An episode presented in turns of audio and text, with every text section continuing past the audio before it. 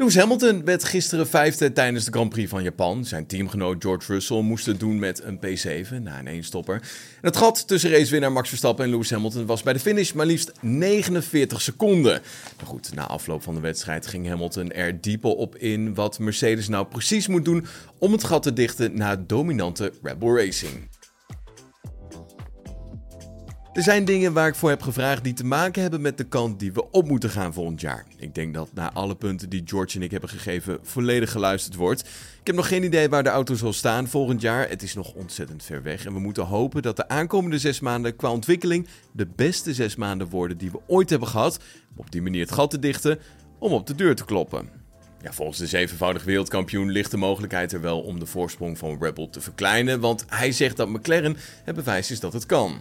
We kunnen niet gaan doen alsof we dat niet zien. We moeten analyseren wat zij hebben gedaan en dan ook die richting op gaan. Dat is de juiste richting. Ik ben er heilig van overtuigd dat mijn team daartoe in staat is. We zijn altijd goed geweest in downforce aan de auto toevoegen. Echter, door de manier waarop onze auto momenteel werkt, zorgt meer downforce ervoor dat hij ook meer stuitert. Hopelijk komen we met een ander concept terug op de positie die het team verdient. Dit is een wereldkampioenschap winnend team.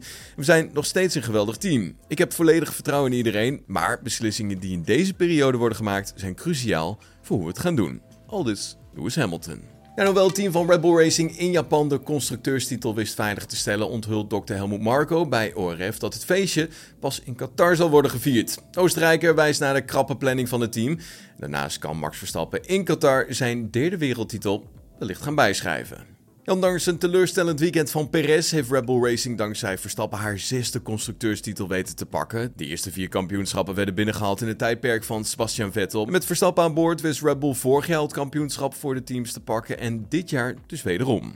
Marco legt uit dat Red Bull het feestje pas over twee weken wil gaan vieren. We hebben vandaag nogal een krap schema. De engineers en monteurs moeten geloof ik al om 10 uur in Tokio zijn.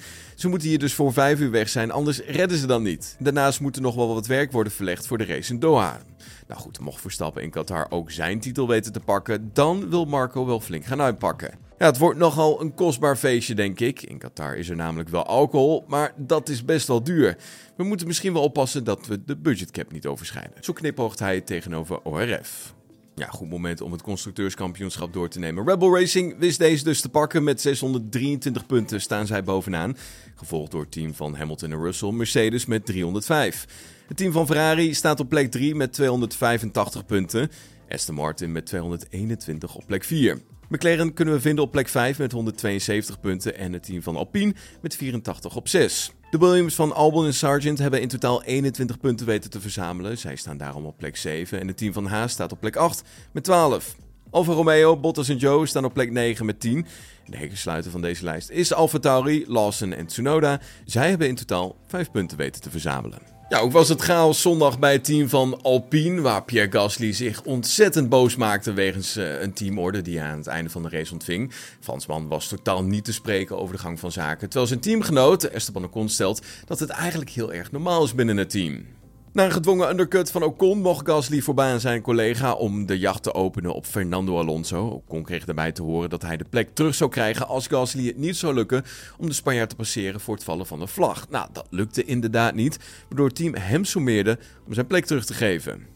Ja, toen dat bericht doorkwam op de boordradio kon Gasly zijn oren niet geloven. Hij zegt, ja, ben je serieus? Nou goed, na fit gesprek zei zijn engineer dat ze er na de race maar over moesten hebben. Het zorgt in ieder geval voor een hoop commotie binnen het team... waar Ocon op zijn beurt weer weinig van begrijpt. Ik zit nu al vier jaar bij het team en deze regel is altijd hetzelfde geweest. Ook met Daniel en Fernando. Dat is als een coureur van positie wisselt. En ja, in dit geval gaf ik de positie aan Pierre en hij moest Fernando inhalen om die positie te behouden. Anders geef je die positie gewoon terug aan je teamgenoot. Dat is hoe we het altijd gedaan hebben. Als ik aan de andere kant zou staan, ja, dan zou ik natuurlijk hetzelfde doen. Ik geef de voorkeur aan een gevecht op de baan. Ik ben meer van de oude stempel en ik zou nooit vragen om van posities te wisselen. Maar ik begrijp ook het standpunt van het team. Dat probeert om meer posities te winnen en punten te pakken. Maar helaas gebeurde dat niet. We hebben de potentie gemaximaliseerd omdat er niet veel meer op tafel lag. Zo laat hij weten tegenover motorsport.com. Was het dan het GP-fans nieuws van de maandagochtend hier op Spotify. Voor dit een leuke aflevering, vergeet ons dan zeker niet te volgen. Dan zien we vanmiddag weer. Tot dan! Hoi.